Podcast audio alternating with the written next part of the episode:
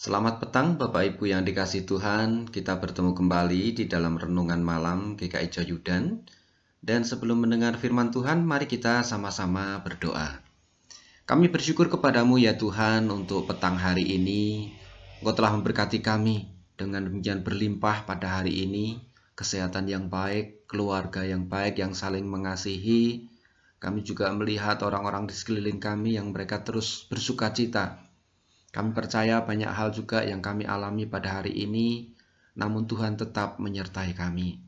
Dan jika sebentar kami akan mendengar firman-Mu, kami mohon pertolongan-Mu ya Tuhan, agar kami boleh mengerti akan firman itu, dan kami boleh menerapkan dalam kehidupan sehari-hari.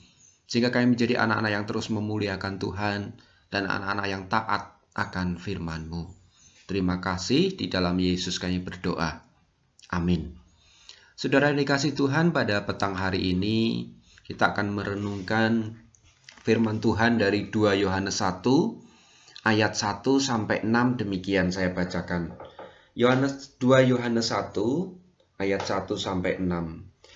Dari penatua kepada ibu yang terpilih dan anak-anaknya yang benar-benar aku kasihi.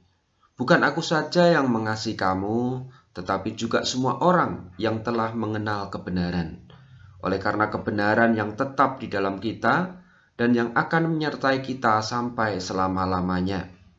Kasih karunia, rahmat dan damai sejahtera dari Allah Bapa dan dari Yesus Kristus, anak Bapa, akan menyertai kita dalam kebenaran dan kasih. Aku sangat bersuka cita bahwa aku mendapati bahwa separuh dari anak-anakmu hidup dalam kebenaran sesuai dengan perintah yang telah kita terima dari Bapa.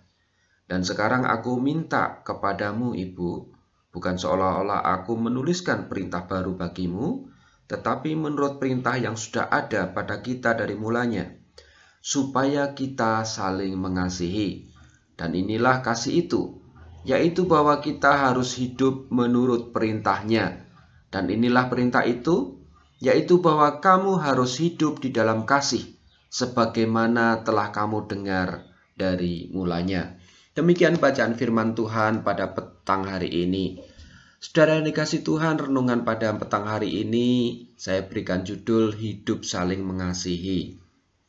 Dalam renungan pagi GKI Jayudan tadi pagi yang telah di-share ke masing-masing jemaat, kita mengerti bahwa Allah mengendaki umatnya untuk melakukan pertobatan sejati bukan pertobatan semu atau pertobatan pura-pura. Pertobatan sejati adalah pertobatan yang keluar dari hati dan dilakukan dengan sungguh-sungguh, yaitu dengan cara meninggalkan dosa lama dan hidup sesuai dengan firman Tuhan, bukan justru melanggar perintah Tuhan. Dan firman Tuhan pada malam hari ini, saudara yang dikasih Tuhan, mengajar kita untuk hidup saling mengasihi. Penulis surat Yohanes menyampaikan suratnya kepada ibu yang terpilih dan anak-anaknya yang benar-benar dikasih oleh orang-orang yang hidup dalam kebenaran. Penulis menyampaikan ungkapan sukacitanya karena anak-anak ibu ini hidup dalam kebenaran sesuai perintah yang telah diterima dari Bapa, yaitu firman Allah. Tentu, sukacita tersebut cerminan dari hati yang bersukacita hati yang gembira.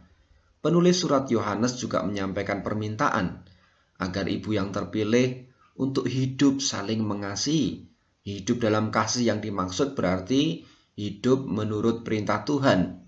Tuhan mengatakan, "Kasihilah Tuhan Allahmu dengan segenap hatimu dan dengan segenap akal budimu dan dengan segenap jiwamu dan juga kasihlah sama manusia seperti dirimu sendiri."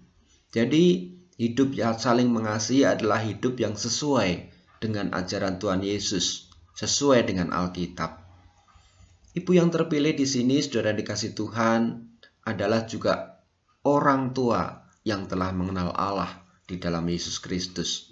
Bisa saja itu adalah saudara-saudara, bapak ibu, yang telah mendidik anaknya dengan baik, sehingga anak-anak itu hidup di dalam kebenaran. Dan tentu itu menjadi sukacita bagi semua orang. Melalui perikop ini, Bapak Ibu yang dikasih Tuhan, kita diingatkan sebagai orang terpilih yang percaya kepada Tuhan Yesus, maka hidup kita juga harus saling mengasihi. Yesus adalah kasih, kasih tanpa pamrih dengan mengorbankan dirinya di atas kayu salib untuk menebus manusia dari dosa. Oleh karena itu, kita juga harus menunjukkan kasih kepada sesama tanpa pamrih, bahkan rela berkorban. Kasih merupakan segalanya dalam kehidupan kekristenan. Kasih yang tulus akan keluar dari hati yang digerakkan oleh Roh Kudus, dan itu akan membuat hidup kita menjadi berkat bagi orang lain. Kasih inilah yang menjadi identitas orang Kristen. Jadi, orang Kristen itu ditandai dengan kasih itu.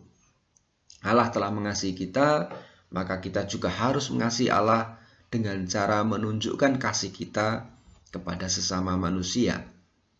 Karena itu, saudara dikasih Tuhan, jadikan hidup kita berarti dengan cara terus saling mengasihi dan menjadikan keluarga kita keluarga Kristen yang hidup dalam kebenaran.